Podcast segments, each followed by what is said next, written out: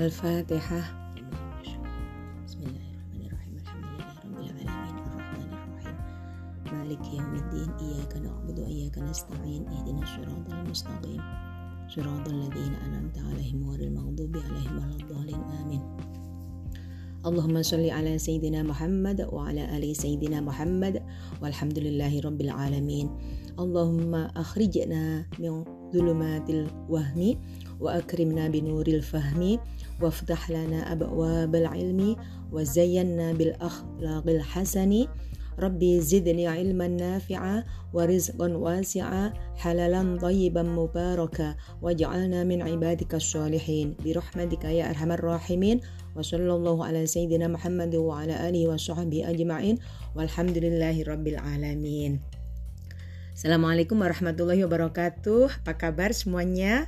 Semoga sehat selalu dan alhamdulillah juga pagi ini kita masih diberikan kesempatan untuk bertemu uh, mempelajari materi perilaku konsumen. Oke, baik.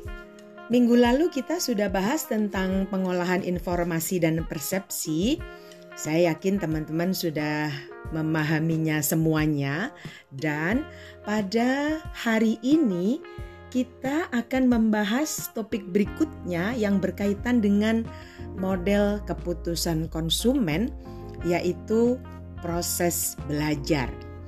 Salah satu aspek yang juga sangat penting di dalam konsumen memutuskan untuk belanja atau tidak adalah yang berkaitan dengan proses belajar.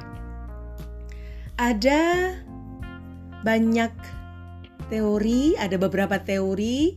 Kita awali dengan definisi sebagaimana yang tertera di halaman 19 ada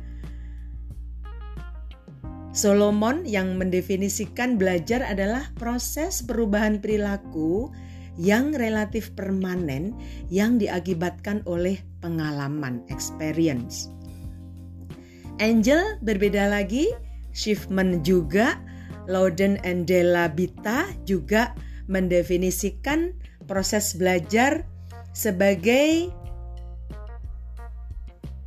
beberapa beberapa hal yang itu mendasari pembentukan model, penyusunan model keputusan konsumen.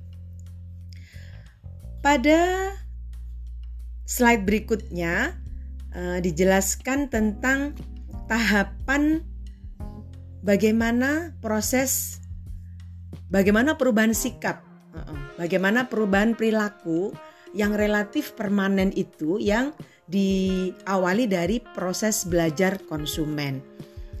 Kemudian pada sisi kognitif demikian juga dijelaskan ada dua Beberapa pakar mengklarifikasikan bahwa proses belajar ada dua kategori, yaitu proses belajar kognitif, cognitive approach, dan proses belajar perilaku, behaviorist approach.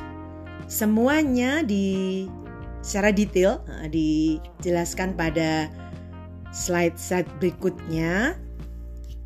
Kemudian ada juga proses belajar classical conditioning, percobaan Paylow, ada classical conditioning dalam beberapa terminologi bisa difahami semuanya pada halaman 21. Kemudian ada aplikasi proses belajar classical conditioning dalam pemasaran. Ada tiga konsep utama yaitu pengulangan, repetition, kemudian advertising. Advertising wear out pengulangan iklan. Kemudian ada generalisasi stimulus stimulus generalization semuanya ada di materi yang sudah disiapkan. Selamat belajar. Materi bisa di-download di Learning Management System daring University of Islam Malang. Selamat belajar, selamat berjuang. Jangan lupa untuk selalu prokes secara ketat dan teman-teman, anak-anakku, pada masing-masing kelas kalian nanti di dalam praktikum mata kuliah ini akan di guidance oleh masing-masing asisten. Jadi satu kelas satu asisten praktikum. Untuk 5 A untuk kelas 5A nanti dengan Aramita, kemudian 5B dengan Melisa, kemudian yang 5C dengan Sadia. Nanti uh, pada masing-masing kelas grup WhatsApp Ibu akan invite asisten praktikum yang akan mengguidance praktikum kalian. Eh praktikum eh, modul praktikum sudah Ibu berikan kepada asisten praktikum. Namun kalian juga bisa download di daring Unisma. Nanti kita praktikum selama enam kali tatap muka secara daring. Kalian mengerjakan mengerjakan praktikum itu pada e modul masing-masing. Nah, tempelkan di situ, kerjakan dengan sebaik-baiknya, nanti bisa di guidance dan kalian bisa konsul juga dengan asisten praktikum masing-masing. Selamat goodbye for today and see you next week. Good luck for you. Uh, jangan lupa kita berdoa lagi uh, untuk akhir kuliah.